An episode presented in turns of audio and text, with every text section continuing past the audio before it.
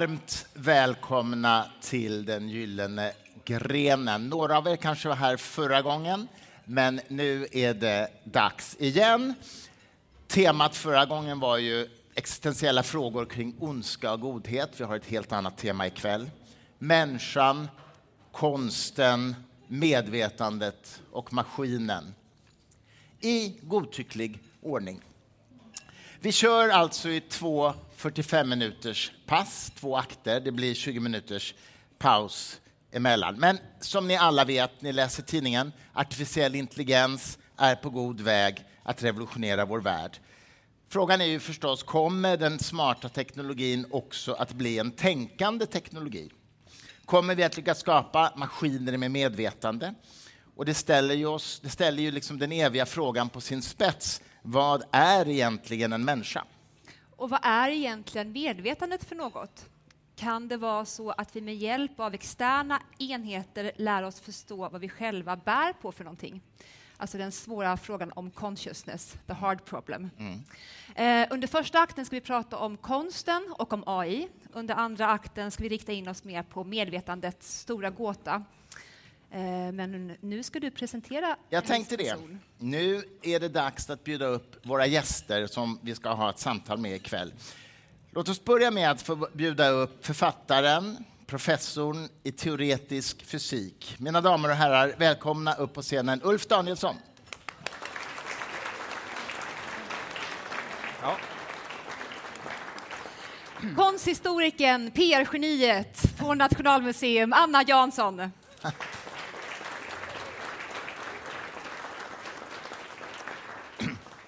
som snart är en till. Eh, du, sitter du okej? Okay? Ja, Var det bra? Ja, bra, bra, bra. Sist men inte minst, eh, produkt och utvecklingschefen på Spotify globalt. Och tro mig, han är verkligen en AI-guru. Mm. Gustav Söderström. Vilken blandning. Vi tänker inleda kvällen med att låta dig, Gustav, berätta för oss vad AI egentligen är för någonting. Hur definierar du det? Ja, det är en eh, intressant fråga och det finns lika många svar som det finns, eh, som det finns sätt att ställa frågan. Men jag har hört många svara på den här frågan och då väljer man ju till slut ett, ett favoritsvar. Och favoritsvaret om vi tar artificiell intelligens, vi väntar med hela medvetandet bara, då blir frågan egentligen vad är intelligens? Och sen är svaret bara det är en artificiell form av det. Så frågan är vad är intelligens då? Och många definierar intelligens som förmågan att kunna uppnå komplexa mål, helt enkelt. Och hur intelligent någonting är beror på hur komplexa mål den kan, den kan uppnå i hur komplexa förhållanden. Eh, om man tar då en robot till exempel Eh, hur komplexa uppgifter kan du ge den här roboten att lösa på egen hand? Det är hur intelligent den är. Sen så finns det många idag som också säger att de här systemen för att vara artificiellt intelligenta ska vara självlärande, vilket vi kan prata mer om senare. Det anser jag inte egentligen har något med saken att göra. Det skulle kunna vara ett system programmerat av en människa helt och hållet. Så som man mäter hur intelligent systemet är, är hur bra den kan lösa en given uppgift kan vara till exempel lösa matematiskt tal. Mm. Vi, det är så vi, vi, många gånger mäter åtminstone en aspekt av människors intelligens. Mm. Genom helt enkelt mäta, lösa uppgifter på en skala. Ju komplexare uppgifter, ju intelligentare säger vi att systemet då är. Köper ni den definitionen eller har ni någon invändning mot själva begreppsapparaten innan vi går vidare? Ja, nej, men jag kan nog köpa det till stor del. Jag skulle gärna vilja, just, just, ordet intelligens, det är ändå lite problematiskt eftersom man hela tiden får en koppling till någonting mänskligt när man använder det ordet. Och det är väl möjligtvis den invändningen jag skulle ha då. Så att jag vill gärna beskriva det på ett så tråkigt sätt som möjligt, då, som någon form av informationsteknologiskt hjälpmedel eller någonting sånt där som tar bort den där kopplingen till någonting mänskligt, för det, det tror jag kan vara lite farligt. Säger du, Anna? Jag håller med om det. Eh, jag betraktar ju AI som ett verktyg. Det är så jag överhuvudtaget har kommit in på artificiell intelligens. För mm. Eh, jag intresserade mig för några år sedan för hur man kunde använda AI som ett verktyg att sortera i digitala eh, museisamlingar. Mm.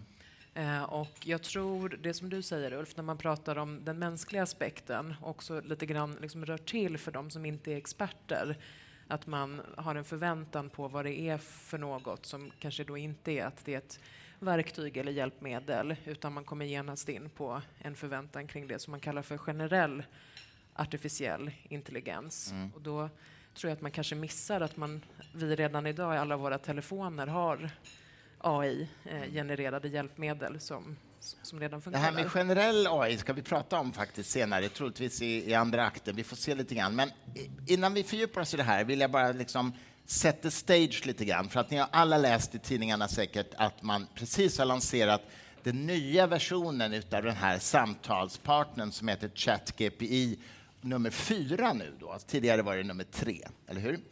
Um, kan du, Gustav, bara säga någonting om vad som är skillnaden på tre och fyra i det här fallet?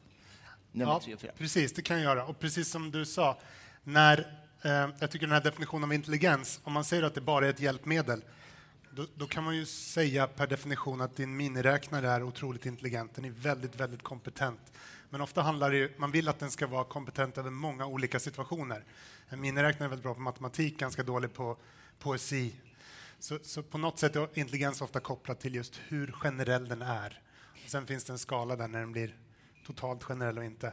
Men det man kan säga om de här systemen som GPT då, som har funnits mm. i olika versioner, tre och nu fyra, det är att de är ganska generella.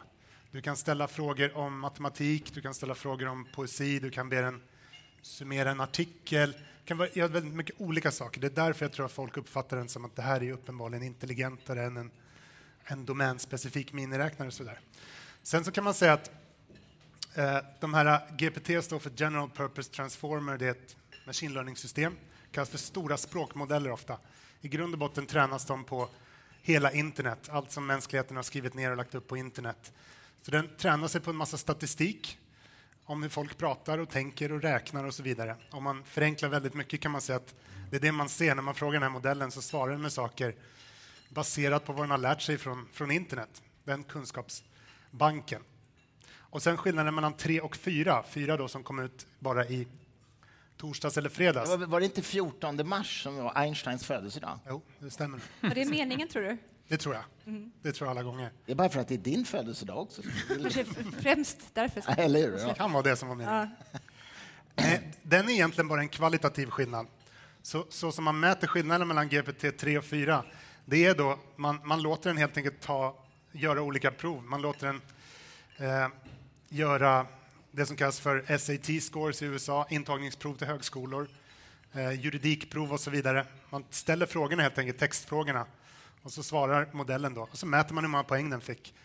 Och det som är den stora skillnaden är egentligen en kvalitativ skillnad i hur bra den klarar av att svara. Om en människa sen rättar de här proven helt enkelt.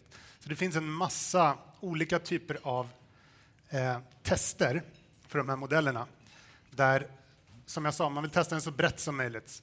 Man kan prova den på matematikdomäner, filosofidomäner, eh, olika former av geografiprov. Man ställer en massa frågor och så ser man hur bra den klarar det här. Olika resonemang, logikprov och sånt där. Precis samma prov, bokstavligen, som man ger till människor. Det är inte ens liknande, utan det är samma prov. Så ser man vilken poäng den får, helt enkelt. Så GPT-4 är bara mer kompetent, men det är precis samma sak, bara mer av samma sak. Finns det någon konflikt mellan att vara om den är kompetent på olika områden? Om den blir för kom riktigt kompetent på ett område så påverkar det negativt något annat område. Finns det en svårighet med den här bredden? Ja, men det här det är en jättebra fråga och det man ser när man tränat de här modellerna, det är liksom att eh, man har fått, haft svårt att få dem generella. Det kallas för catastrophic forgetting. När du tränar den på ett nytt problem så glömmer den igen, katastrofalt bort det förra du tränar den på. Eh, så det, det, är ett problem med att få dem generella, men de ja. börjar bli, och man kontrollerar ju för det här då, med de olika proven, men så kan det absolut bli att du ja. överoptimerar. Men, men det skiljer sig också väldigt mycket. Till exempel är de här systemen fortfarande ganska dåliga på, på vanlig matematik. Och vilket, poesi. Ja, precis. Men när man testar dem på språklig, språklig intelligens performar de ganska högt. När man testar dem på aritmetik så är de inte så jättebra. Det kan man ju tycka är märkligt, för en, en liten miniräknare slår ju lätt GPT-3 i aritmetik. Men det är för att den använder på något sätt eh, ett annat sätt att komma ja. fram till de här. Mm. Men vad jag tror inte är så allmänt utbrett det är förståelsen att AI använder sig bara av allt det publicerade material som människan hittills har gjort. Och därför tror jag också att man, det blir många missförstånd med den här Google-anställda mannen som fick sparken. Ni har säkert hört om det allihopa. Eh, där den här AI-roboten svarade att han var rädd, eller hon, det, rädd, Hen. Nej, för att bli avstängd, eller hur? Men saken är den att all den litteraturen inom science fiction handlar ju mycket om de här robotarna som är rädda för att bli avstängda, inte sant? Det är väl från eh, Kubricks 2001, HAL säger väl det, precis. Precis. Eh, om jag minns rätt. Så att vad den svarar är egentligen bara eh, det som tidigare litterära eller filmiska robotar har varit rädda för och så rapar den upp det där och så blir alla livrädda för att den kan tänka själv. Det här är ju, ja, Men var det den som hette Sydney som var en eh, alltså, eh, AI... Jag vet inte det här var, det här var en tidigare variant som Ja. Google hette som hette Lambda. Okej, Där en, ja. en ingenjör på Google la ut då, mot sitt anställningsavtal texter då, där den pratade med den här Lambda-modellen och Lambda-modellen sa stäng inte av mig, det vill jag inte. Och han fick då sparken sen, den här killen. Sen Sydney är eh, en variant av OpenAIs senaste system som Microsoft implementerat i sin sökmotor. Bara för att sökningarna ska bli bättre, där det visar sig att om man pratar med den här språkmodellen på rätt sätt. Eh, Den är då tränad att svara på sökförfrågningar, men om du säger så här, nu ska du låtsas vara en annan person, då visar det sig att man kan få den att säga en massa saker som den inte borde sagt. Ja, bland annat så hade ju den ett jungianskt skuggjag som hette Ja. Sydney. Exakt. Ja. Det var, det Kan var inte ju- du berätta, Anna, för Jo. de som inte har... För det här är Eh, väldigt det, det var en artikel i New York Times om just den här sökmotors eh, AI och när man hade lockat fram eh, det som du säger, att, att få den att göra andra saker. Och då hade han, eh, alltså personen som, som ställde frågorna, jag tror att han frågade rakt ut, känner du till Jungs koncept om skuggjaget? Ja, ungefär. Och så här, ah, har du ett sånt? Ja, det är en kvinna som heter Sydney och den här Sydney försökte då förföra personen som satt och skrev frågor och det tyckte man var väldigt obehagligt. Och då tänkte jag precis det som du sa, att den har ju förstås lärt sig det här eh, konceptet Och och, vad det spelar för roll i vår kultur. Ja, ja, ja. Eh, så att det, det är ju inte så att Sydney har ett medvetande, tror jag, Mm. utan har lärt sig vad eh, Jungs Och för alla er som inte är helt bevandrade i Jungs begreppvärld så är ju skuggjaget den sidan av er själva som ni inte vill känna till. Och känner ni till det ni känner till, då är det inte skuggan. För skuggan är bortom ert medvetandegjorda om er själva. Ja, nej, säg Det det. säger du älskling. Nej, nej. jo, förlåt, jag kom på vad jag skulle säga. Ja, sure. vad heter det? Du var ju ganska nästan pinsamt förtjust i att den här Google-anställde visade sig vara en evangelikal Ja, han, han var ju med i någon sån här kristen sekt. Eh, så att, och, och, Christer bara yes. Nej, men jag tror, eh, han har ju faktiskt själv sagt att det hade med, det, hade hans, med hans religiösa övertygelse att göra, att han gick ut och sa att den här är medveten, eh, den här AI. Så att, eh, det, det, det var nog inte helt oväsentligt faktiskt. Men jag, men jag har en fråga. Eh, jag, den här ChatGPT, den producerar ju också fake news. Jag, jag gjorde en sökning precis innan vi åkte hit nu på den nya tjänsten och då ställde jag frågan vem är Ulf Danielsson? Och det var faktiskt en ganska bra beskrivning av vad du, vad du gör och vad du, vilka kompetenser du har hur du har agerat i det public sphere, vad heter det, i, i publik, i offentligheten och sådär. Och så ställde jag samma fråga om mig själv, vem är Christer Sturmark? Och då svarade en bra en debattör, tidigare ordförande i Humanisterna och förlagschef, bla bla bla. Och han har skrivit eh, några böcker, eh, bland annat boken Evolutionens idéhistoria, kom ut 2011. Jag bara, shit, det skulle jag ju kunna göra, men jag har ju absolut inte skrivit någon sån bok. Men det påstod den rakt upp och ner att jag hade gjort. Men är det för att Ulf är mer känd än vad du är kanske? Ja, det är det nog bland annat. Men hur kan det bli så fel? Vad jag, vad jag är ute efter är... Han, uh, ChatGPT kunde ju bara låtit bli att påstå någonting alls om vilka böcker jag har skrivit. Men den påstår konkret att jag har skrivit en bok som jag aldrig ens har tänkt tanken att skriva.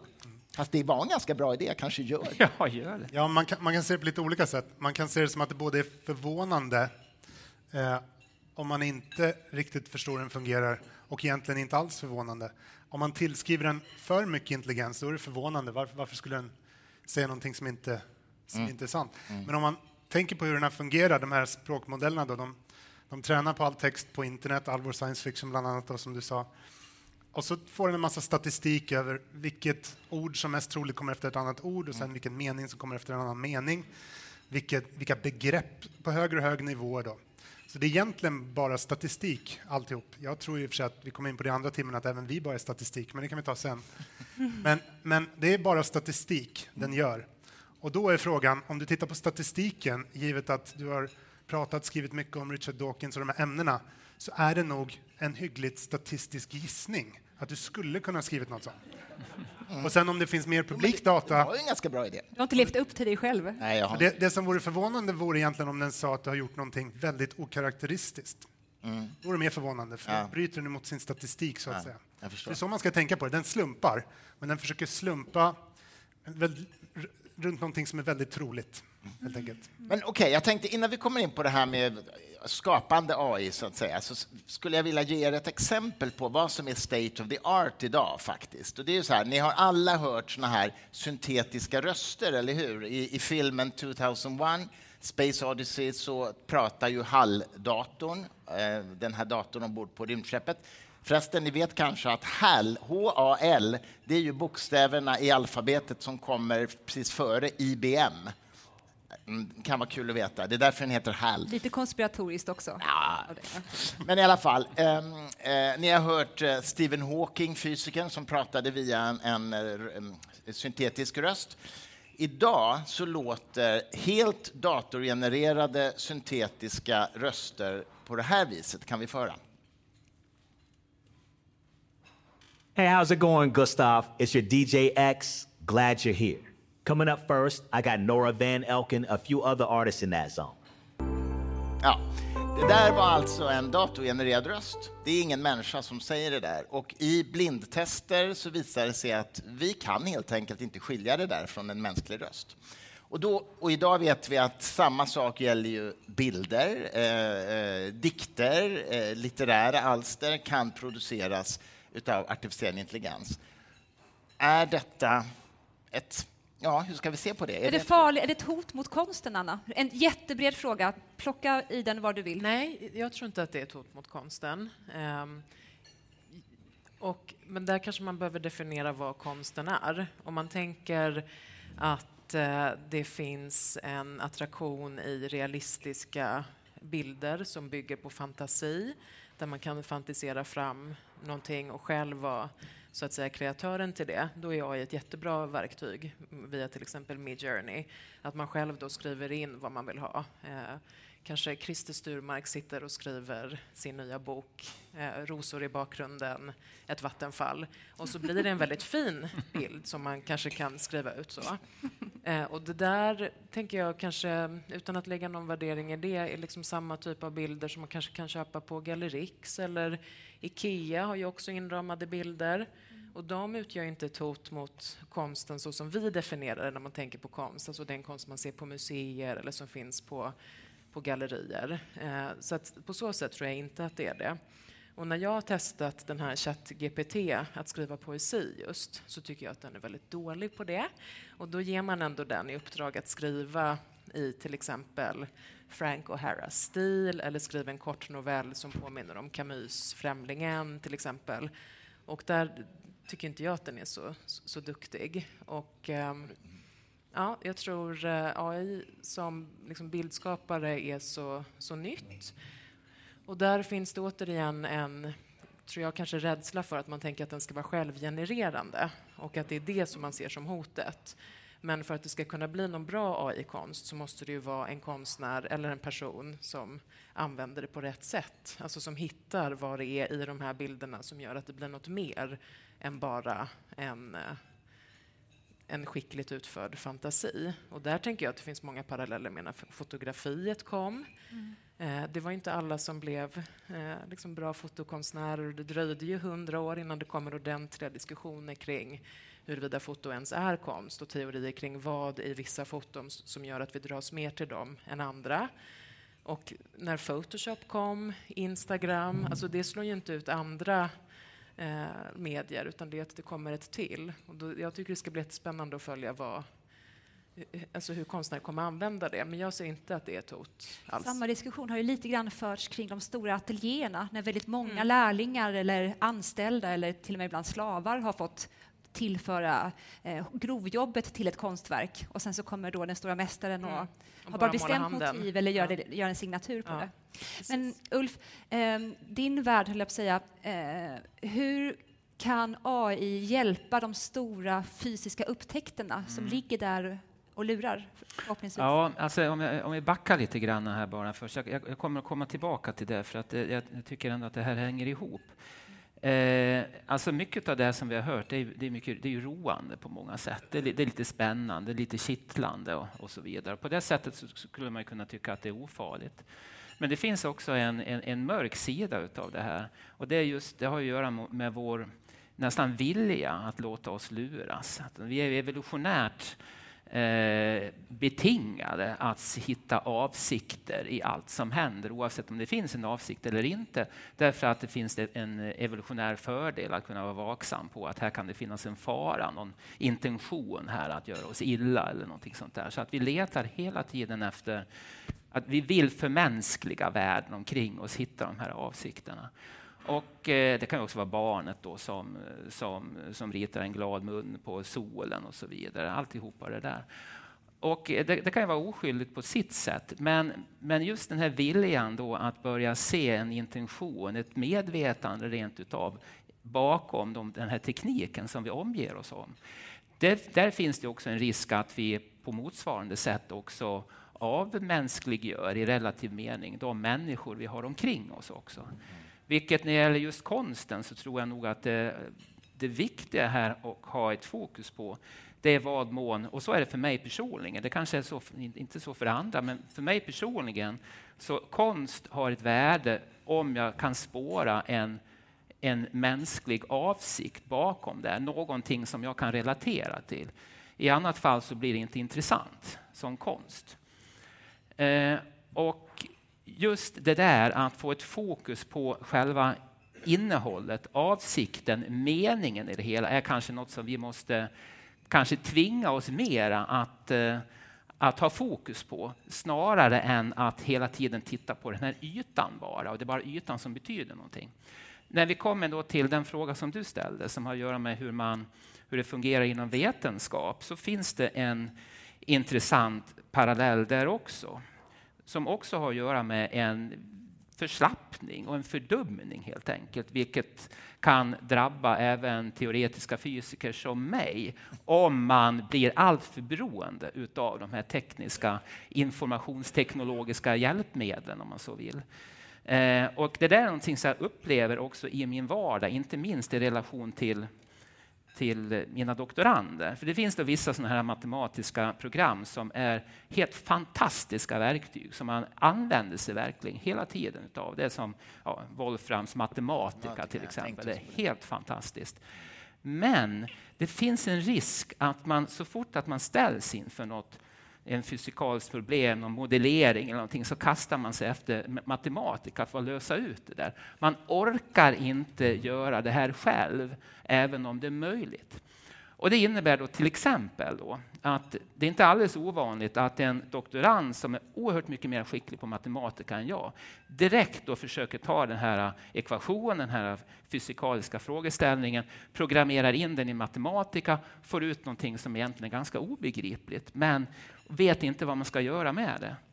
Och sen kommer jag och sätter mig med papper och penna, analyserar det hela och kommer fram till hur man ska tolka det hela och kommer vidare i hela.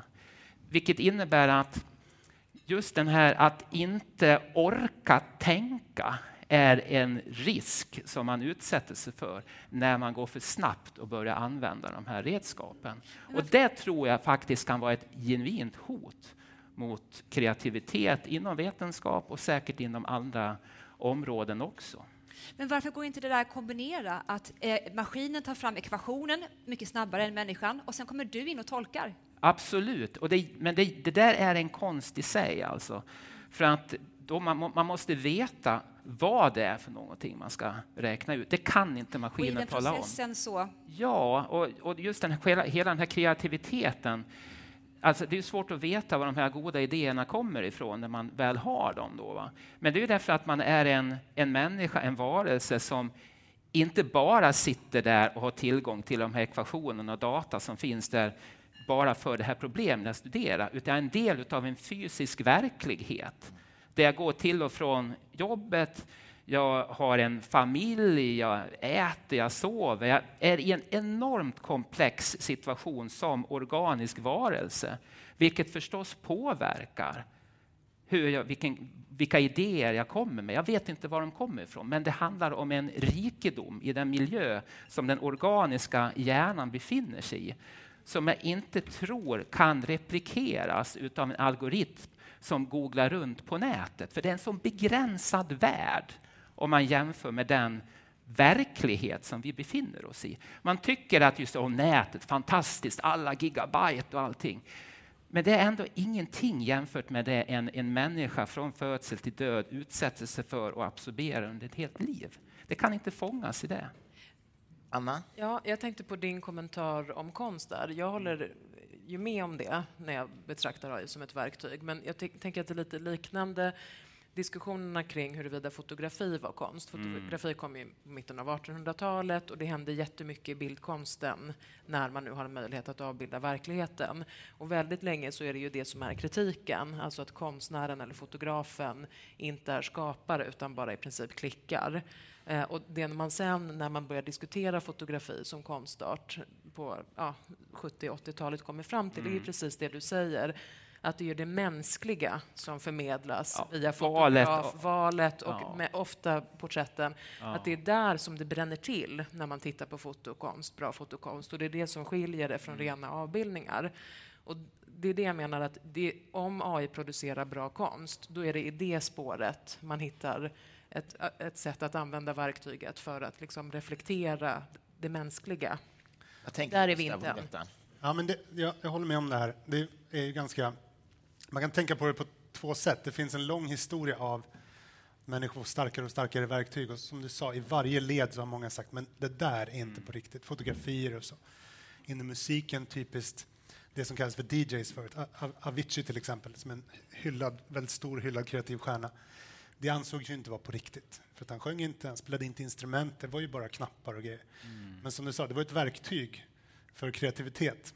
Och det tog ganska lång tid innan det accepterades som riktig konst. Och nu tror jag de flesta av oss anser att det var absolut riktig konst, något av det vi är mest stolta över. Så ett sätt att se det här det är ju att ja, det är ytterligare ett verktyg. Och när du sitter i Midjourney, för det som inte använt det då, man ger ju en instruktion till det här systemet, skapa en bild av Christer Sturmark och så försöker man förstå det här systemet då. Om man säger till exempel, eh, till exempel vad, vad kan man ta?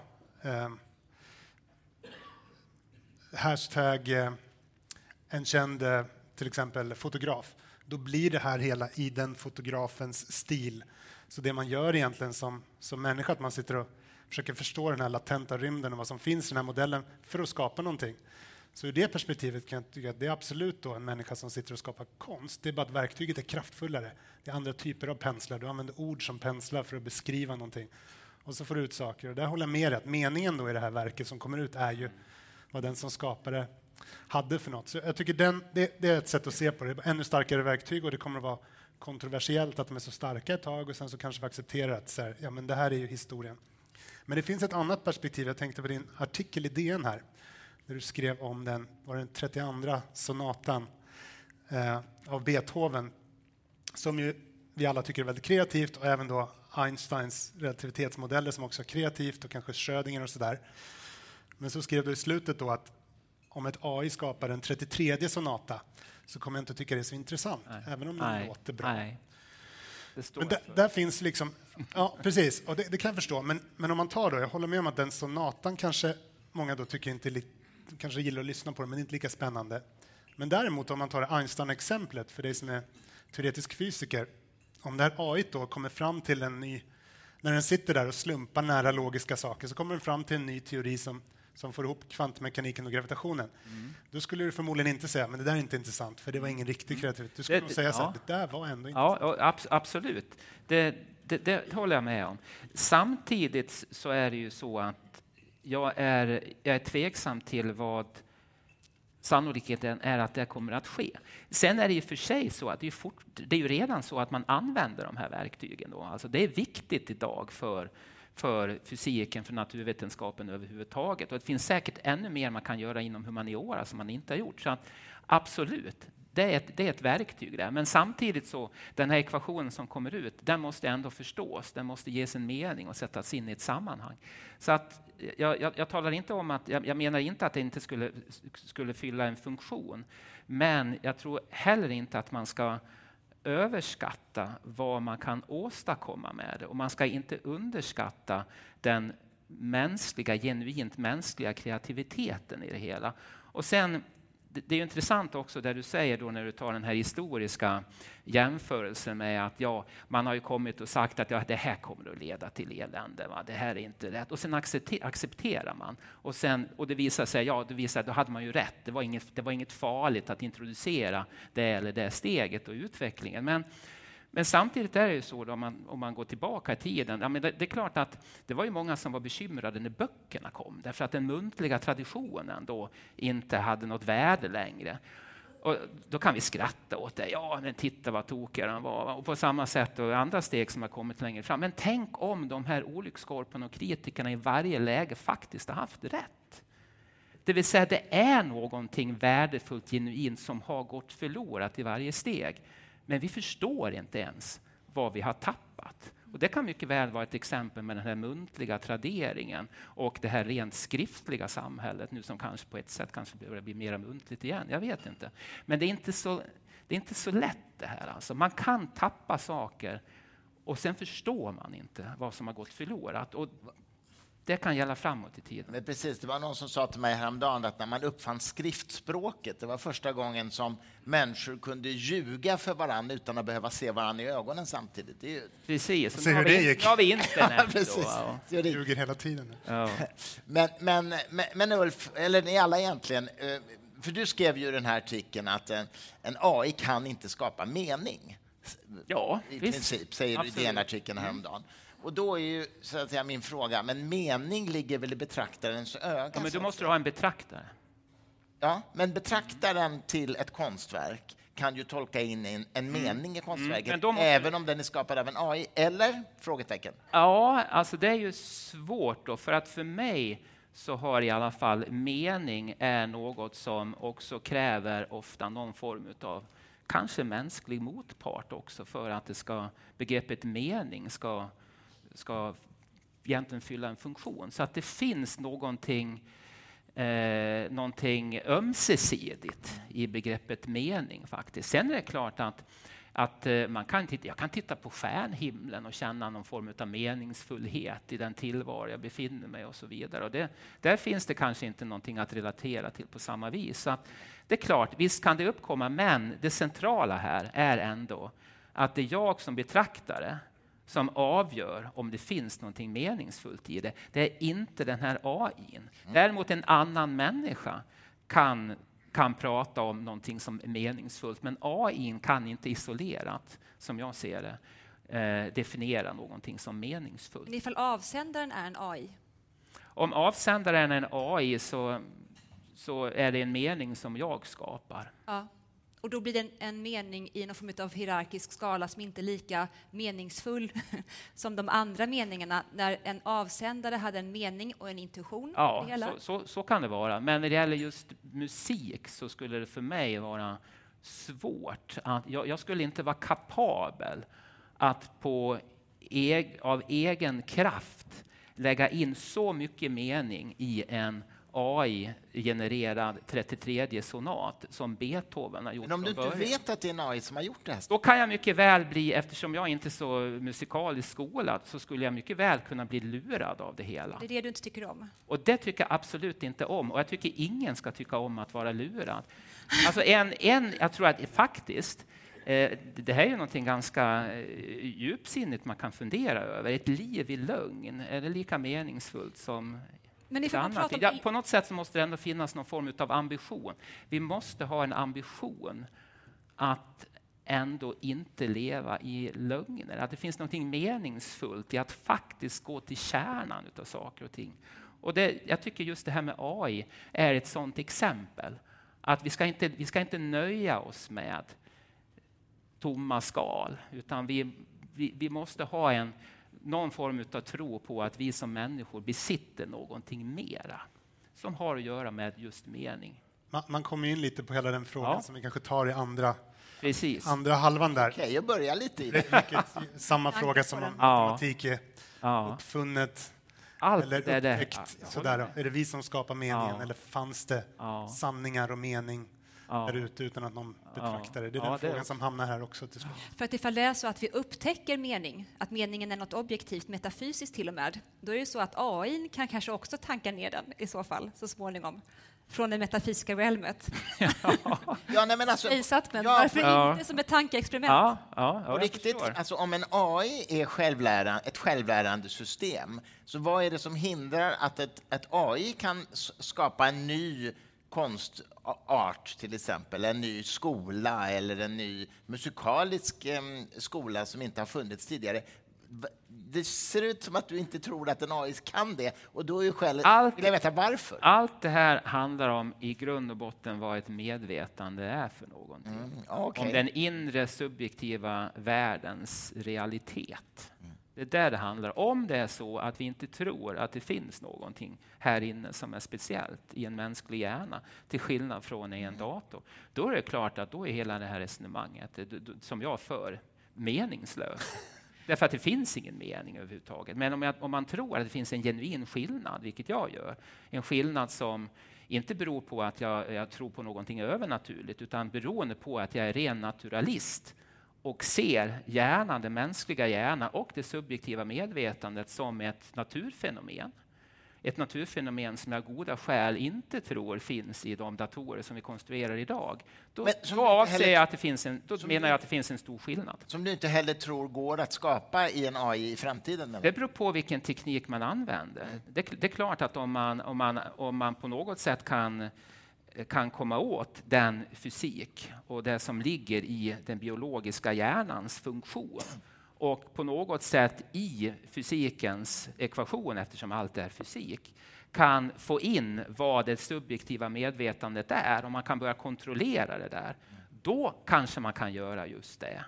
Och kanske även om man inte riktigt förstår det här, om man kan använda sig ut genom att på något sätt då få den biologiska hjärnan att växa samman med annan typ av teknologi då, som vi mera förstår oss på. Då kanske vi också kan komma dit här. Men det tycker jag är mer utav en väldigt otäck mardröms fa- framtidsvision. Mm. Men ni pratar ju nu som att det redan skulle finnas självgenererande AI, och det gör det ju inte, utan det är ju Jo, fortfarande... självlärande AI Jo, finns. självlärande, men de producerar ju inte på egen hand, utan de, behöver ju fortfarande ett kommando för att göra någonting.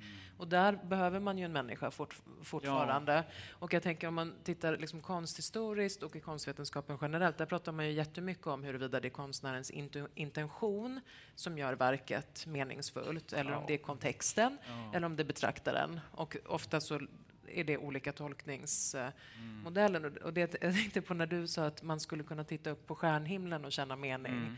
Att där finns det också ett religiöst inslag. Att det gör man ju om man tänker att det finns en skapare bakom Mm. Ja, stjärnhimlen. absolut, så kan det också vara. Det behöver inte vara En det, men- avsändare, så att En säga. avsändare. Men får jag fråga, innan, innan, även om man inte, om man väntar med att definiera de potentiella möjligheterna för att det skulle kunna bli medvetande, för jag tror inte heller att det finns något sånt idag. Men, men om man säger att det aldrig blir så. En fråga är ju, om man, pratar om kreativitet, vad tror ni händer i den mänskliga hjärnan? För du är ju ändå fysikalist. Ingen av er tror ju att det är magi, utan Mm. Nej. någonting fysikaliskt händer ju i Ja, kreativitet. absolut. Och det som man ser i de här systemen nu, det är att de, tar, de, lä, de, de lär sig en massa saker, en massa statistik egentligen, precis som våra neuroner lär sig statistik. Och sen så slumpar de saker som är väldigt troliga nära, som aldrig har sagts, aldrig har gjorts, men, men hänger ihop med alla koncept. Tror du att människor gör någonting radikalt annorlunda? Är det inte så att ju, vi lär oss av andra och sen så kommer vi ofta på saker som är, det är ju väldigt tydligt att om vi kommer på är ofta nästa steg. Det, det känns väldigt likt. Vi syntetiserar det vi tar och slumpar lite och tar det lite längre. Ibland blir det stora kliv, men ofta känns det som att det är något liknande. Hur tror du att kreativitet... Ja, alltså så här då, att om, om jag går tillbaka, jag vet inte, det, det är det korta svaret. Men jag... Vad synd. Ja, visst är det så. Men, och det, det, är riktigt, jag måste utgå från det igen, att jag tror att det här är ett fysikaliskt fenomen. En dator är också någon form av eh, konstruerad fysikaliskt fenomen. Det kan åstadkomma olika saker, det kan vi också. Jag tror faktiskt att det finns, eh, baserat på evolutionens uppfinningsrikedom, så tror jag att eh, det är mycket möjligt att det finns alltså naturfenomen, fysikaliska fenomen, som evolutionen har upptäckt och använder sig av i våra hjärnor för att anpassa sig och leva i den här komplexa världen. Eh, fysikaliska fenomen alltså som vi ännu inte känner till och därför inte har kunnat dra nytta av i de här maskinerna som du beskriver. Det vill säga de processer du beskriver är en blek kopia utav vad naturligt evolverade organismer kan göra. Så jag tror alltså att det är fel att likna oss biologiska varelser som eh, maskiner baserat på den teknik och fysik som vi idag känner.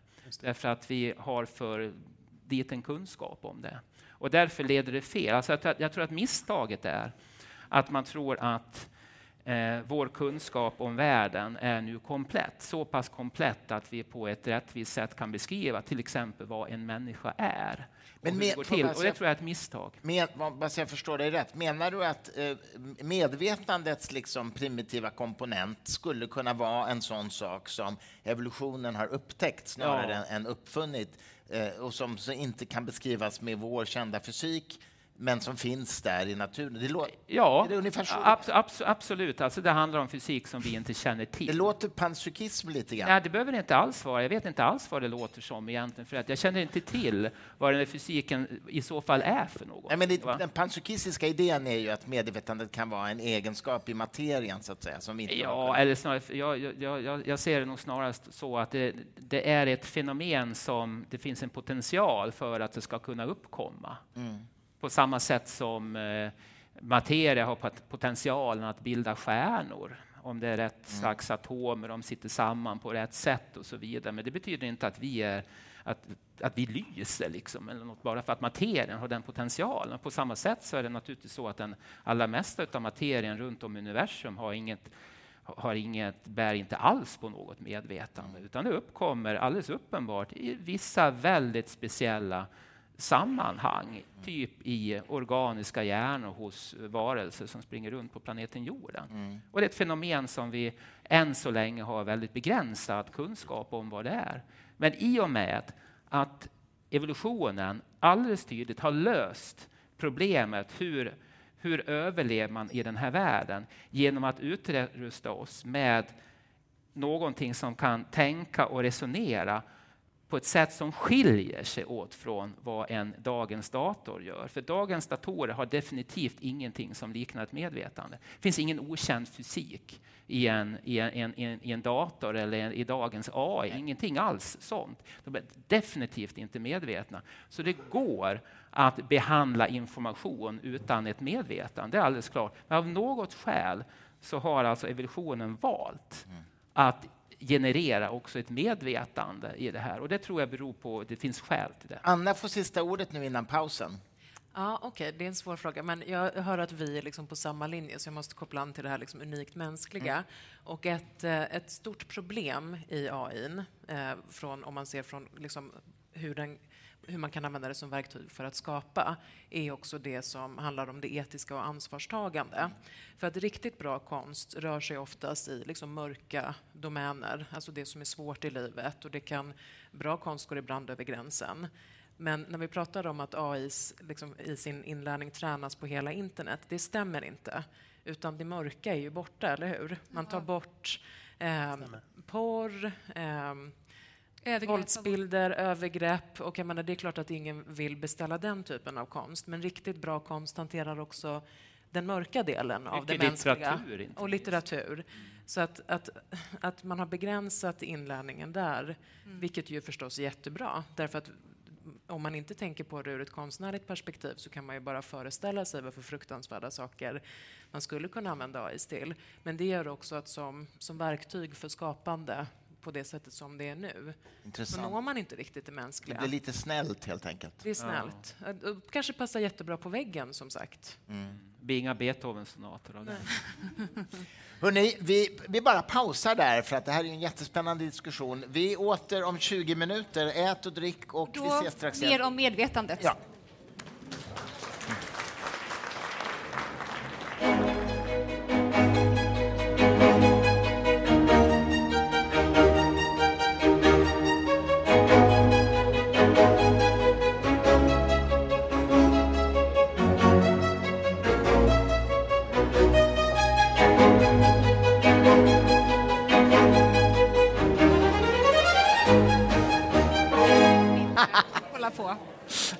Vilken entré! Gud. Är det här akten då du ska börja spåra ur dig, Mark? Ja, nu kommer det. Nu kommer det, Kommer det det. stora Nu händer det. brytet. Ja, nu händer det.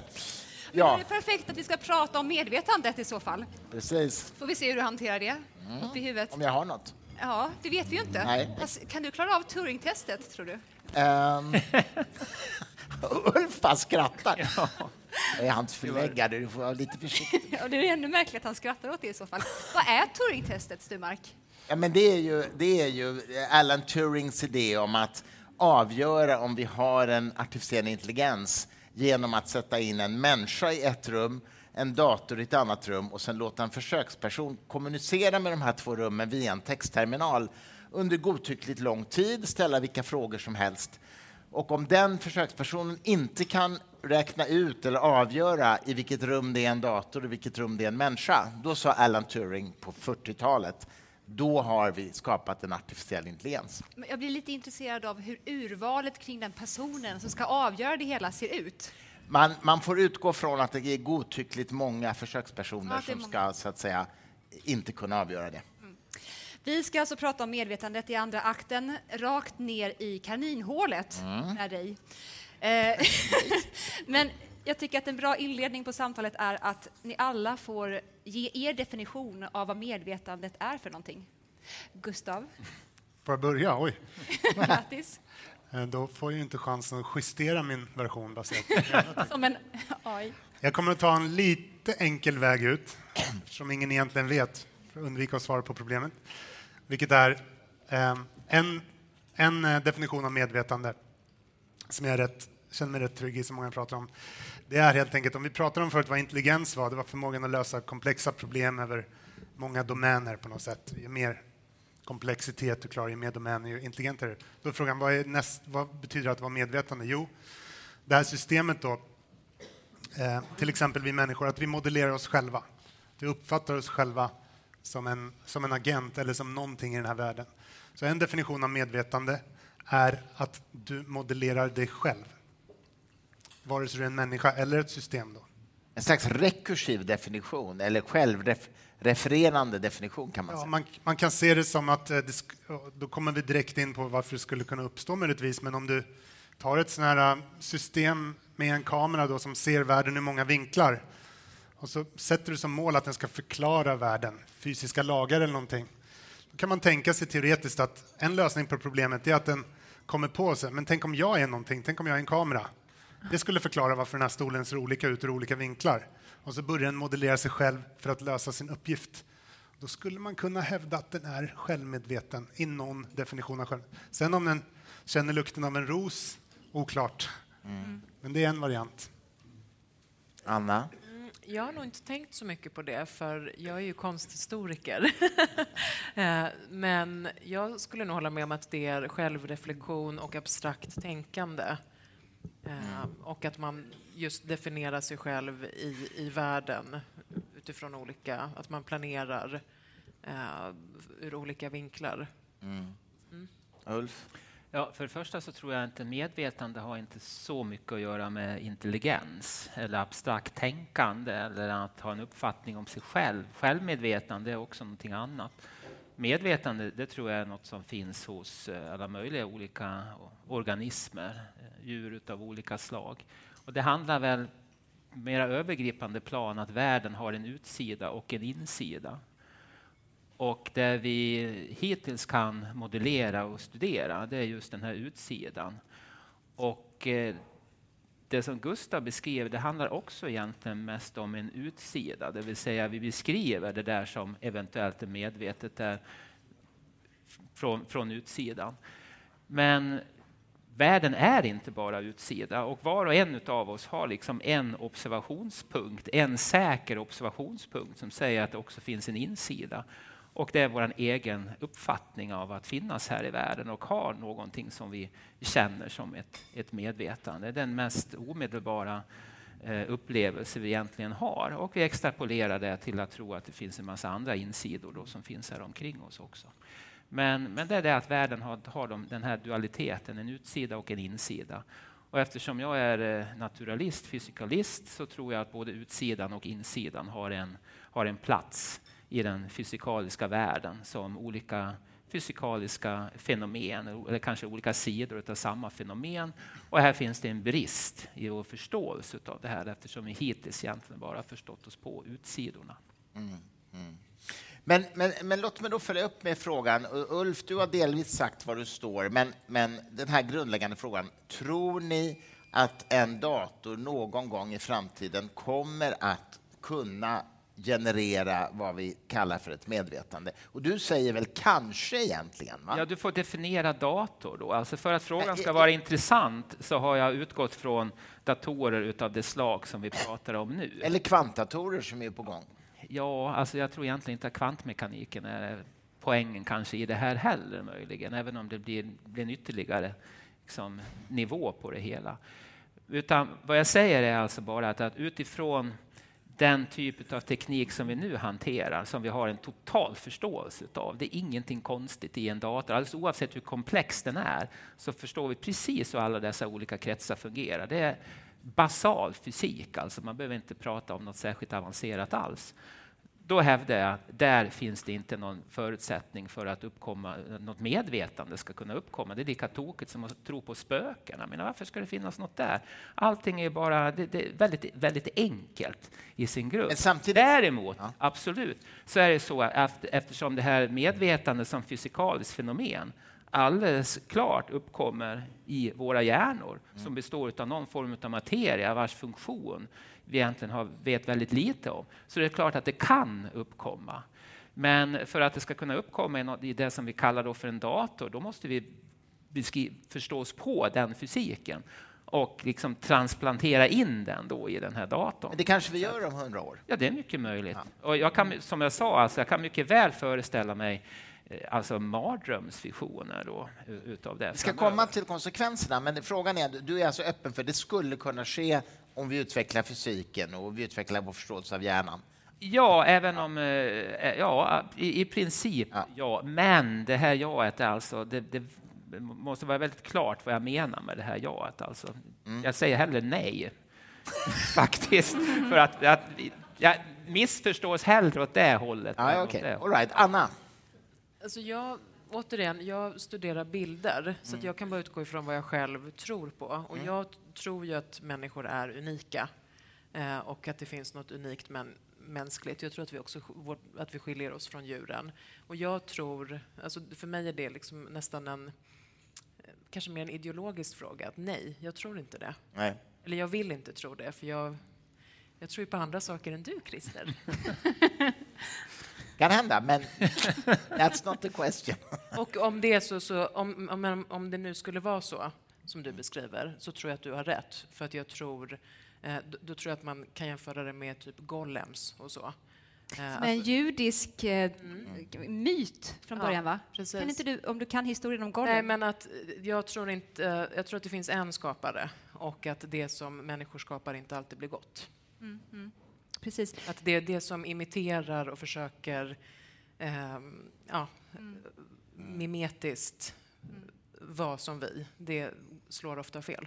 Tolkien som var katolik, han byggde ju karaktären Gollum på den judiska myten om en golem, där då eh, ökenfolket eh, försökte bygga ihop en varelse av lera och börja få den att gå. Första Frankenstein-monster faktiskt. Och det gick inte bra för dem sen, kan jag säga. För det är också att förhäva sig. Det där är ju en, en slags eh, myt eller arketyp eller vad man kallar det som ju har gått igenom massa historier. Absolut. Pinocchio är ju också en sån. Verkligen. Läskigt med ett barn också, som går runt så. Ja, precis. Det blir ännu läskigare. Gillar du inte barn? Jo då, jag gillar barn, men inte, inte alla barn. Ja. Nej, men skämt åsido. Eh, Golem, ja precis. Men Gustav då? Du, vad säger du? Kommer maskiner kunna bli medvetna? Nej, Jag tror för det första inte att de är medvetna idag, för att vara tydlig. Sen så tror jag att eh, jag tror egentligen bara på saker statistiskt. Jag kanske tror 70 procent på det här.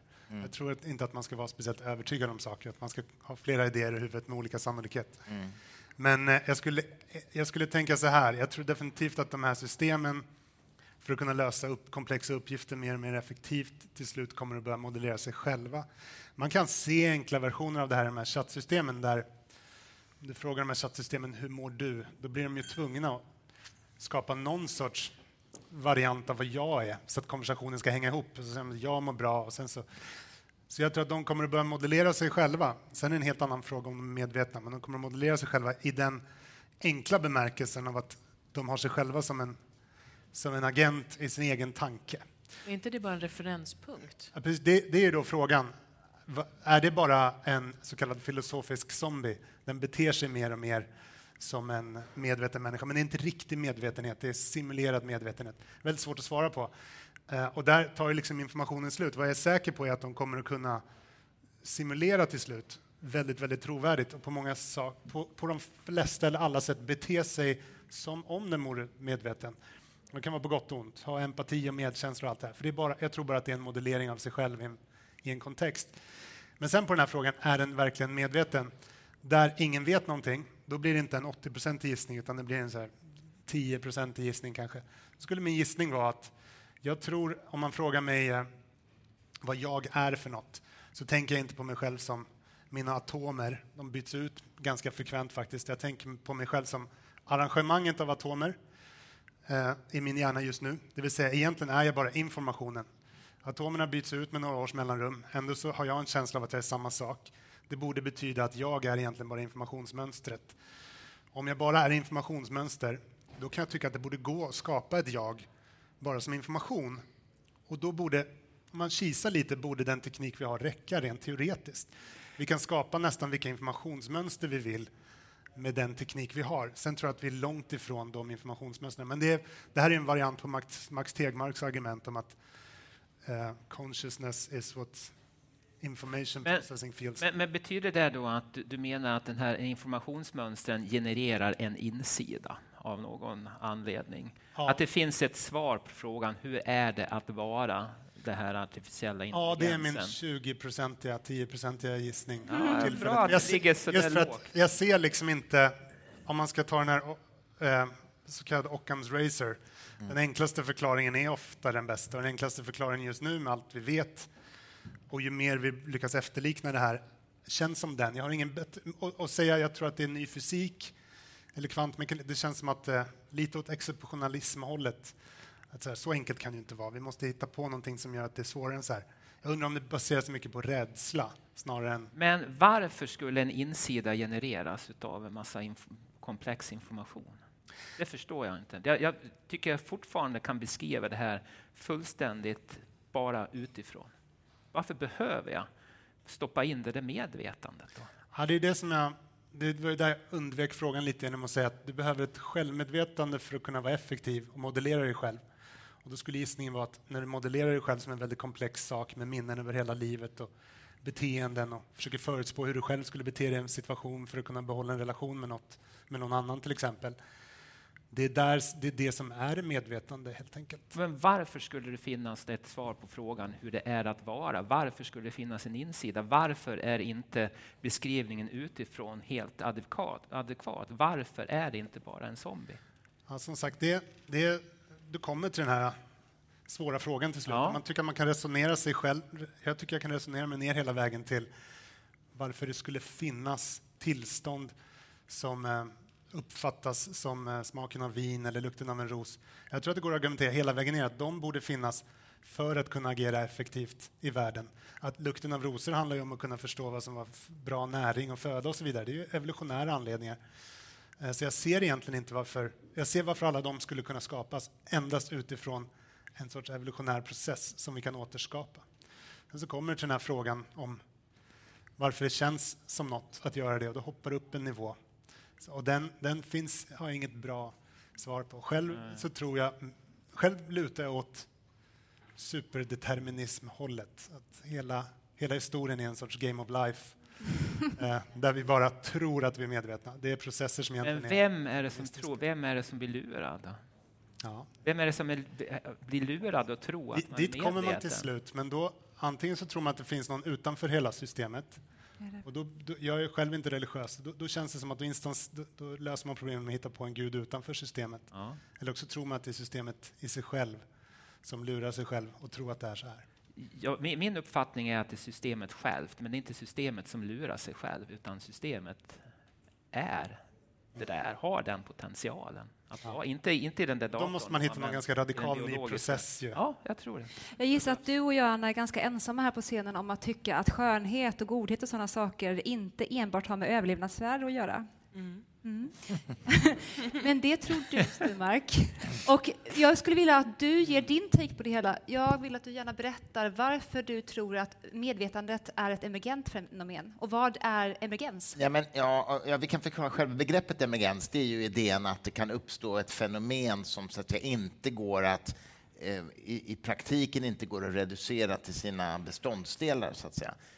Sen skiljer man på stark och svag emergens. Jag tror inte på stark emergens. Jag tror att, jag tror att, att man inte kan reducera det till sina delar är ett praktiskt problem, inte ett teoretiskt problem. Och då kan jag flika in Jag att jag jag, Gustav håller med mig. eller? att jag tror på stark emergens. Ja, du tror på stark. Ja, men där är vi olika. Men, men det jag bara funderar på i, i, i det ni har sagt här är ju eller Ulf, du sa så här, var, vad, vad är det för poäng, vad skulle det ha för överlevnadsvärde att vi har en insidesperspektiv? Och ett svar på det kan ju vara nej, det kan vara en bieffekt av evolutionen. Alltså det kan vara en, en sidoeffekt som inte har ett överlevnadsvärde. Och hur mäter jag det? Då? Ja, det går inte att mäta det? såklart. Men jag menar, rent hypotetiskt skulle det ju kunna vara det. Alltså den här självupplevelsen kan vara en bieffekt av ett antal kognitiva Men processer hur kan- som har haft ett Hur överlevnadsvärde. kan något existera som inte går att mäta? Jag är fysiker.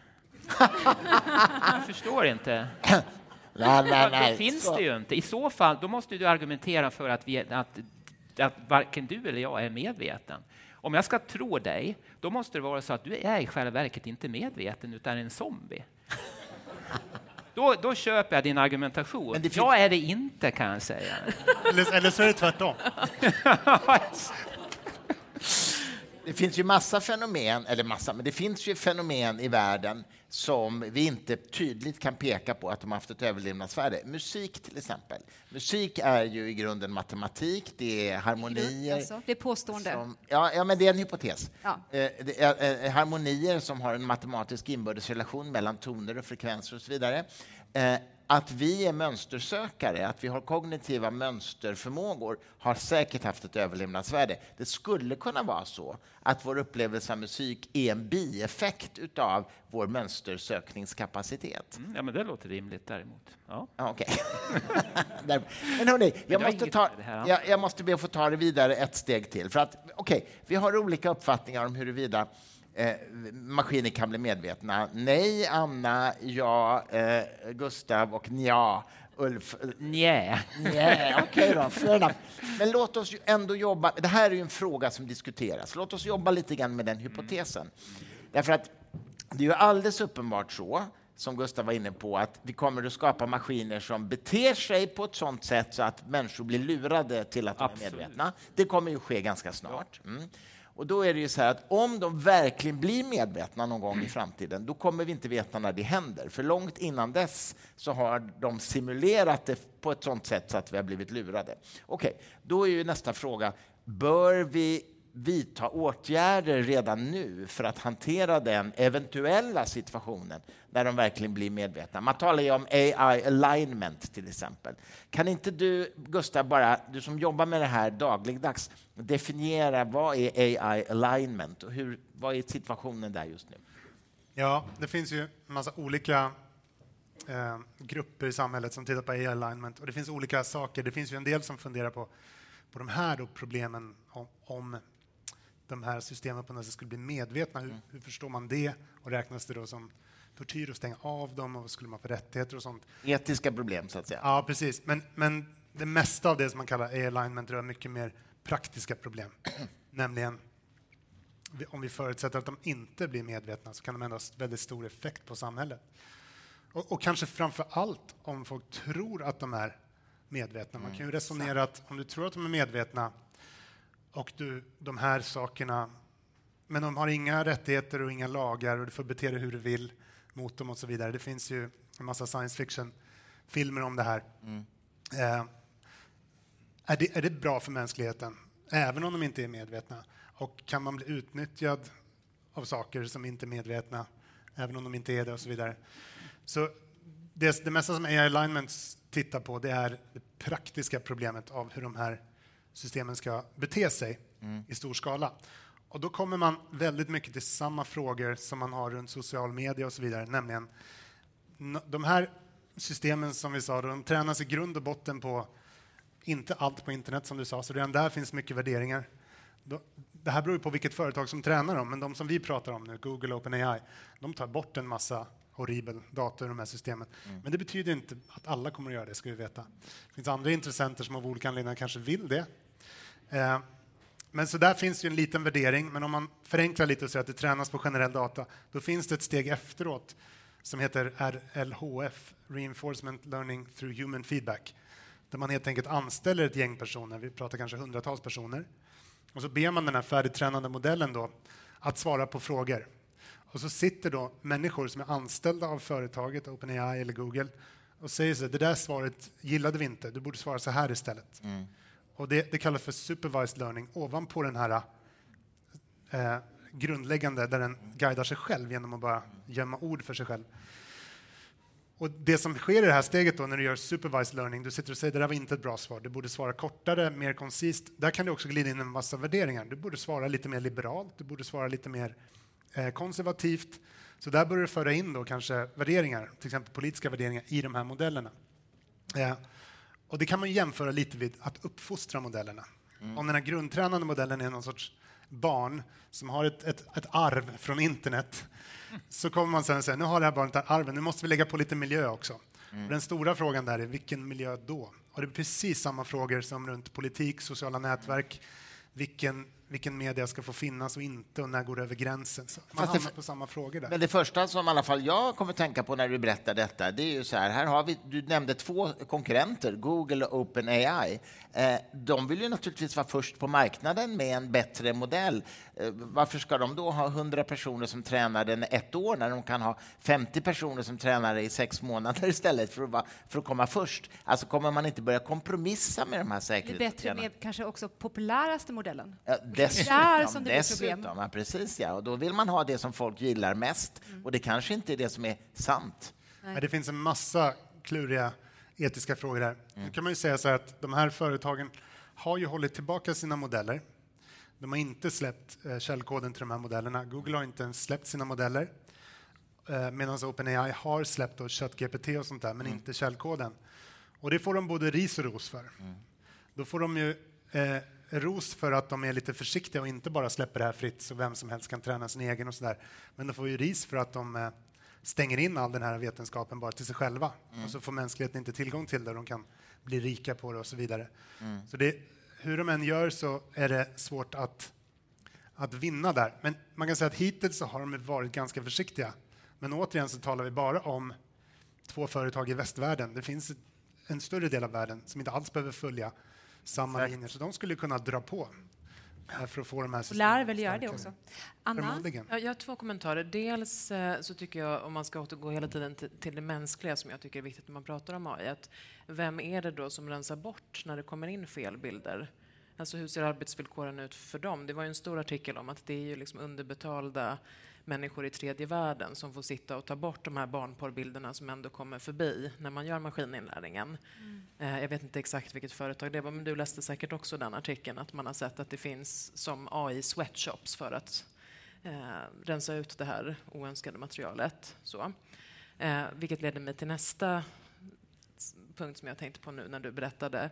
Att ett problem för oss som brukar och liksom reflektera kring AI är att man ju hela tiden tror, eller vi kanske inte gör det, men många tänker att den är objektiv för att det är dator, det är, liksom, det är programmerat och att man glömmer bort att det finns de här liksom subjektiva värderingarna i maskininlärningen. Och det tänkte jag på med just en eh, bildgrej som fanns. Jag vet inte om det var Midjourney som hade att man kunde mata in ett, eh, en selfie på sig själv och så blev man modellerad som en eh, soldat i romarriket eller en, egypt, en egyptisk farao och så vidare. Och då noterade jag att det var väldigt många personer som annars inte brukar lägga upp selfies som liksom nästan spammade internet med de här modellerade bilderna på sig själva. Och eftersom att jag är liksom så bildintresserad så började jag tänka på så, men varför gör man det? Varför har de här personerna som annars inte liksom står och posar framför spegeln, varför lägger de upp liksom renderingar på sig själv som romersk soldat? Och det jag kom fram till, det här är bara mina tankar, är att jag tror att man tänkte att det var en objektiv blick på sig själv för att det kom via en, en AI. Att det var att man såg sig själv från ett liksom ett mer neutralt perspektiv och att det därför inte var liksom det poserande eller bekräftelsesökande utan att man hittade en slags blick utifrån som också... Ja, förstår ni hur jag menar? Men den personen valde fortfarande att bli gestaltad som en ja. romersk soldat? Mm. Okay. Nej, man får olika bilder. Ja, liksom. att... Det finns allt möjligt. Man kan vara en liksom, eh, medeltida munk. Alltså det är allt möjligt. Men sen, AI gör det urvalet? Ja, man lägger, laddar upp en selfie och sen så blir man modellerad som olika... Hur hade man reagerat om man hade blivit gestaltad som en leprasjuk 1700-talsvarelse? hade man inte lagt nej, nej, nej. nej. Eh, men jag tyckte det just var så intressant att det här liksom, drivet att se sig själv utifrån ja. hur en dator ser Det är något väldigt glorifierande att man börjar lägga ut bilder på sig själv om man blir framställd som en romersk soldat. Mm. Då är det okej. Okay. Så det säger ju en hel del om om eh, Men det var många som inte annars lägger upp bilder, noterade jag, som liksom, då fastnade i det där. Okay. Att det var liksom att bli modellerad av någonting ah, utifrån. Och jag tror att det var just att man tänker sig att AI inte har en agenda utan att det är en, en objektiv mm. blick. Liksom. Jag, jag tänkte bara... Får jag bara säga en sak innan ja. jag släpper in dig, som är bara rätt roligt apropå det du säger mm. och apropå människors självbild. Det finns ju ett psykologiskt experiment som man har gjort eh, där, man där man lägger upp slumpmässigt hundra små bilder på en stor datorskärm på personer, okända personer, men en av dem är dig. Mm. Och så mäter man hur snabbt man hittar sig själv bland de här hundra bilderna. Det går snabbt, va? Man, vad sa du? Det går snabbt. Ja, men alltså man, man mäter hur snabbt det går och sen slumpar man upp dem igen och så och, och är man på ett nytt ställe och så, och så kollar man hur snabbt det går.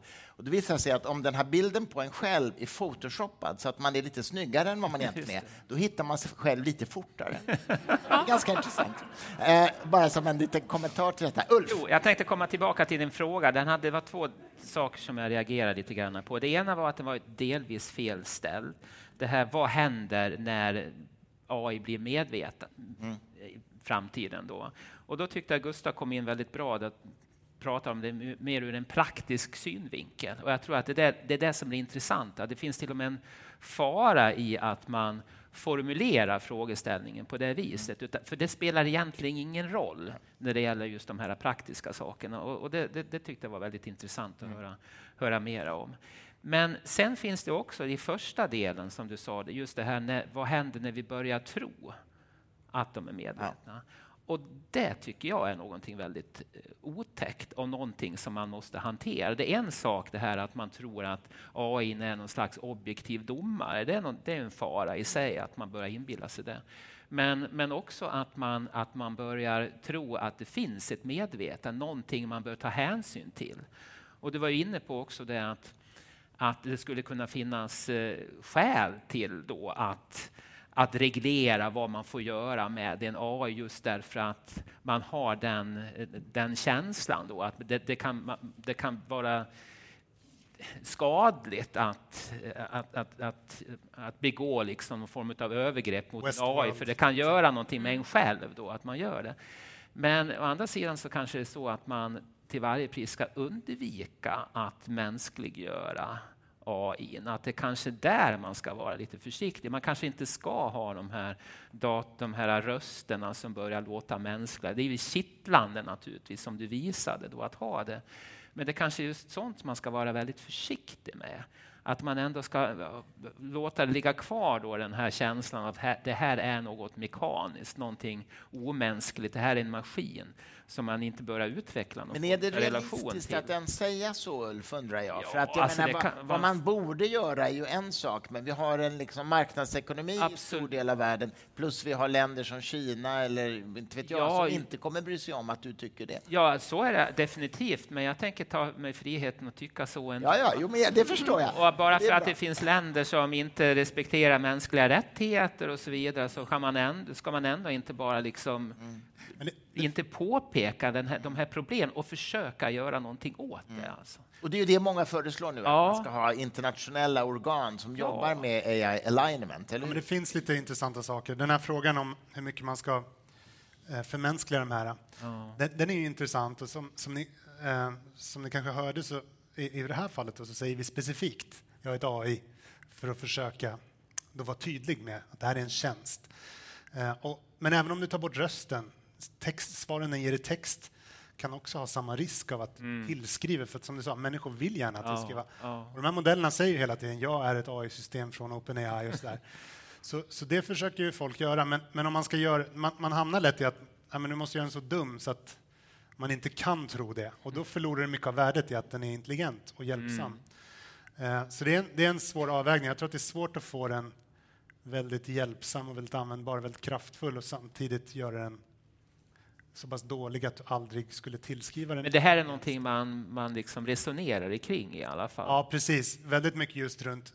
Eh, det finns någon sorts oskriven, jag tror att den är oskriven i alla fall, regel om att man inte försöker, eh, vad heter det, eh, impersonate en riktig person. Ja. Eh, åtminstone i västvärlden, att man är väldigt tydlig med att, så, som du sa, att det är fundamentalt dåligt att försöka lura någon. Mm. Man ska vara väldigt tydlig med vad det är du får. Mm. Men det som jag tycker är intressant just nu är lite... Eh, finns lite olika sätt. Om man, om man då säger att man trycker in egentligen värderingar i de här systemen, och det behövs värderingar. Det behövs värderingar när vi uppfostrar våra barn och så vidare. Men de har ju samma problem som samhället har generellt med att vems värderingar ja. och hur mycket. Och då de här äh, företagen, delvis har de sträckt upp händerna och sagt vi, vi behöver hjälp. Det här borde vara statligt eller internationellt eller någonting. Eh, den andra varianten då som många går till det är att man borde få bestämma lite själv. Du får sätta in, liksom, vill att det här ska vara en republikansk eller demokratisk chattbot. eh, och det är en lite libertariansk typisk inställning, borde få bestämma själv. Det kan ju leda till andra problem, att man sitter i sin egen bubbla här och det här systemet håller med om allt jag säger, fast ditt system håller med om allt du säger och så blir vi mer och mer sådär skilda. Eh, så min gissning skulle vara att det här med att alla väljer själv inte är jättebra i förlängningen.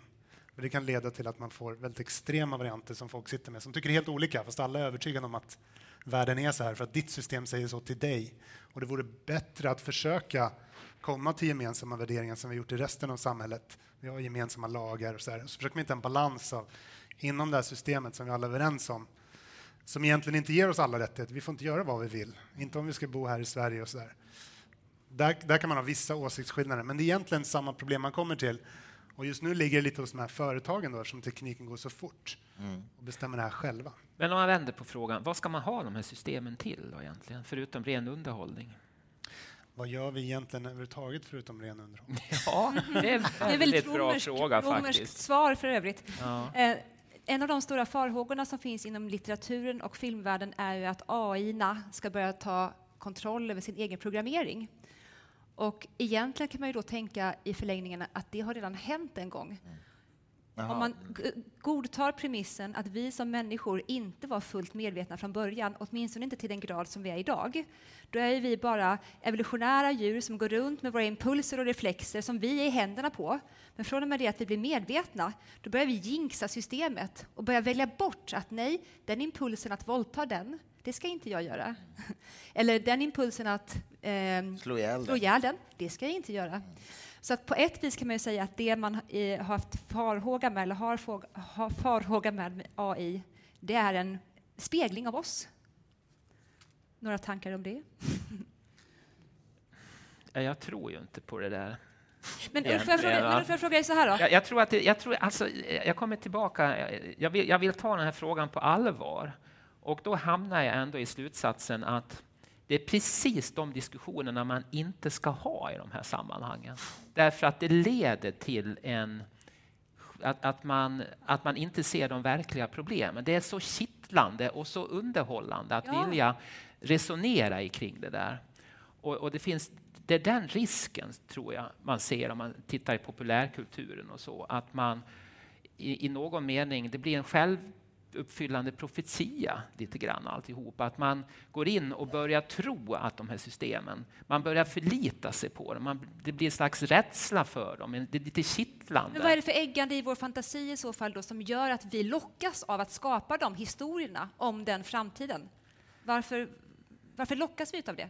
Ja, alltså, Är vi döds, dödsprogrammerade? Ja, alltså det, det är väl bara att titta på liksom vil- vilken typ av underhållning vi tittar på, filmer och serier och alltihopa. Vi äggas av det här. Det är väl ett det evolutionärt beteende. Ja. Vi, är oroliga och rädda för framtiden och det är de som var oroliga och rädda som överlevde. Ja, och, och på något sätt så vill vi hela tiden kittlas utav det Men, där. men hörni, tycker ni ändå inte att det finns, precis som vi har varit inne på, om vi struntar i om det blir medvetet på riktigt eller inte, så är det ändå så att vi har redan nu självkörande bilar till exempel. De här bilarna, de avgör själva om de ska gasa eller bromsa genom de sensorer de har riktade mot trafiken runt omkring. De bilarna måste ju också programmeras med någon slags etik, eller hur? Därför att de, vill, de måste ju rimligen programmeras med etiken att det, det är bättre att en människa dör än fem människor dör, till exempel. Men om, om det är så att den här bilen står i valet mellan att köra över en hel familj på fem personer eller krascha bilen in i en bergsvägg så att passageraren dör, ja då uppfylls ju etiken. Men ingen jävel kommer ju vilja åka med en bil som har den etiken, eller hur? Jag måste, jag måste bara säga det att Jag menar, det här är ju ett, det här är ett reellt problem. Jag, jag måste säga Eller? att jag, jag känner lite grann för det där, för jag precis då skaffat ny bil och upptäckte att den hade en automatisk parkeringsfunktion. Det var bland det mest hisnande jag varit med om. När den åkte in och fick parkera på ett sätt som jag aldrig kunde göra. Jag satt bara och skrek. Liksom. Hade Men släppt den kunde det alltså? Ja, helt otroligt alltså. Är det svaret? Vad ska vi ha den här AI Ja, jag vet. Precis! Men det var helt fantastiskt. Men det är klart, jag, jag, jag håller med. Jag har ingen svar på din fråga. Bara säga att jag har lite erfarenhet utav Men det jag också. Men vet du vad min bil Ja, gör? nej. Den tar över ibland när jag kör, när den tycker jag kör för slarvigt. Och då, kan, då är det efter heldragna Ja. linjer. Det Ja, hände det- senast igår när jag körde hem från er. Det rycker till i ratten. Då alltså, blir den arg. Och Ja. Då kan det vara att det är liksom snäva kurvor och flera filer och det är helt tomt. Och gör man det tillräckligt ofta, då kommer det upp lite, du kanske ska ta paus. Ja, precis. Det är väldigt diplomatiskt. Ja. Men, men jag menar, detta är ju ändå ett re reellt problem och som ju AI alignment, så att säga, rörelserna eller vad man ska kalla det, måste hantera. Redan nu, så att säga, måste vi göra det. Gustav? Jag tror att om man försöker dra ut det där, vart hamnar det någonstans? Om man köper, vare sig man tror att eh, det här är liksom de- här systemen vi bygger nu skulle räcka för att ta systemen hela vägen, eh, eller om det behövs andra saker. Men egentligen helt oavsett det, om man, säger, om man i alla fall köper att de här systemen liknar hur människor lär sig saker, reagerar på saker, planerar och sådär, utan medvetande, Eh, därför att de är väldigt löst baserade på mänskliga hjärnan, då, en neuron. Och så. Det, det liknar, man kan likna det lite löst vid, eh, vid hur mänskligheten lärde sig flyga. Vi, vi liksom tog principen och förstod aerodynamik och sådär. Vi gör inte exakt som fåglar gör, men vi gör något liknande. Så, här. så om man köper att vi, det är något liknande som vi gör i de här systemen, då skulle man också kunna tänka sig och bara fråga frågan, så här, men människor har ju alla de här problemen. Liksom. Hur väljer en människa mellan vilka den ska döda och sånt där. Hur tar vi hand om det här i systemet? Människor är väldigt, väldigt imperfekta. Och det vi gör med människor då, det är att vi tvingar dem att ta körkort. De ska ta massa lektioner, de utvärderas och testas. Och så får de böter och så får de massa saker. Så frågan är då, de här systemen, de har ju inte de här hårdkodade etikreglerna om eh, fem döda vuxna är bättre än tre döda barn och sånt där. Utan de tränas ju precis som människor på en massa situationer i trafiken. Då, det troliga är att man kommer att göra samma sak. Man kommer att sätta gränser, alltså körkortsprov, där du kör i en simulator kanske, i en massa situationer.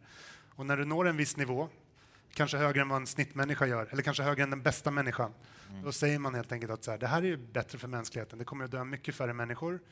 Och så säger man att det där är det som är, alltså det är en statistiskt körkortstest snarare än en sån deterministisk, den här regeln i den situationen. Det tror jag inte kommer att gå. Men det finns ju ett reellt problem som man pratar om inom AI-forskningen och det är ju det här black box-problemet att vi nu har självlärande system som, som så att säga blir duktigare i många fall än människor på att lösa vissa problem eller skanna röntgenplåtar eller vad det nu kan vara. Men vi vet inte riktigt hur de gör därför att de har omprogrammerat sig själva. Och då kommer man ju till det här med att problemet med att vi ger systemet ett mål, ett goal så att säga, och det kanske visar sig att systemet uppfyller det här målet på sätt som är katastrofala.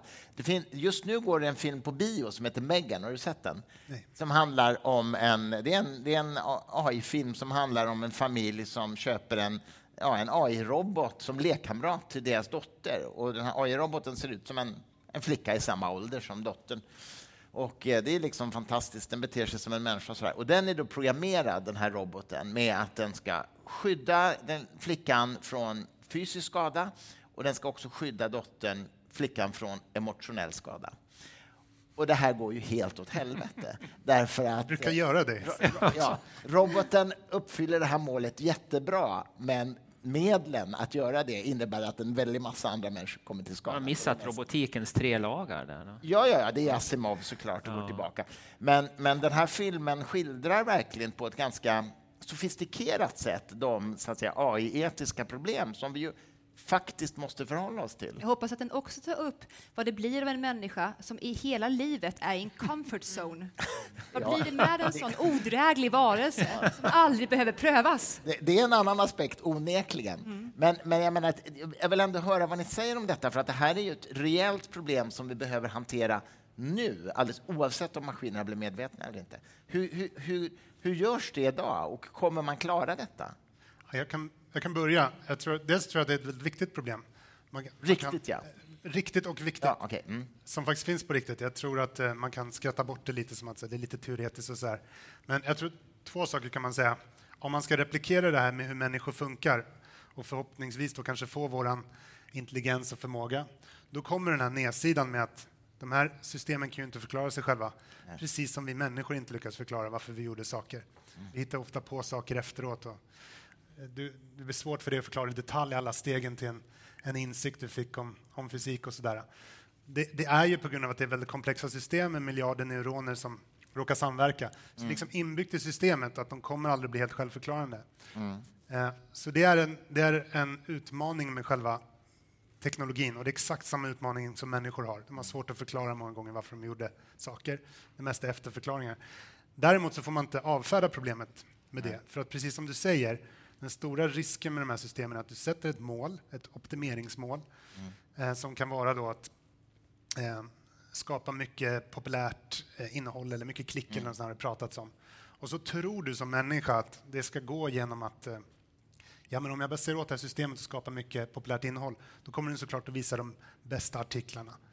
Ja, men det kan också vara så att det visar sig att de, de, mest, de argaste artiklarna, de som gör dig mest rädd, det klickar du mest på. Ja. Så du nådde ditt mål, men inte den vägen du trodde. Nej. du hade faktiskt goda intentioner, men du fick folk väldigt rädda och arga på vägen. Det är väl exempel. det som har hänt med Facebook? Och... Svårt att bevisa, men, men det är definitivt en riktig risk. Ja. Man måste vara väldigt försiktig när man bygger de här, och, för det här, för det här black box-problemet och titta hela vägen på, gör den det jag tror och det jag vill snarare än uppnår må- Det är en variant på den här Nick Boströms paperclip där Exakt. hela världen bara blir paperclips. Eh, Så det här tror jag var en, gans, en väldigt stor risk för några år sedan. För den farligaste fasen här, om man lyssnar på Sam Harris till exempel, det var egentligen när systemen är kraftfulla eh, men, men inte så intelligenta. Alltså, som om du tänker en stor, stark person som är väldigt ointelligent, är ganska farlig. Svingar armarna hur som helst. Liksom.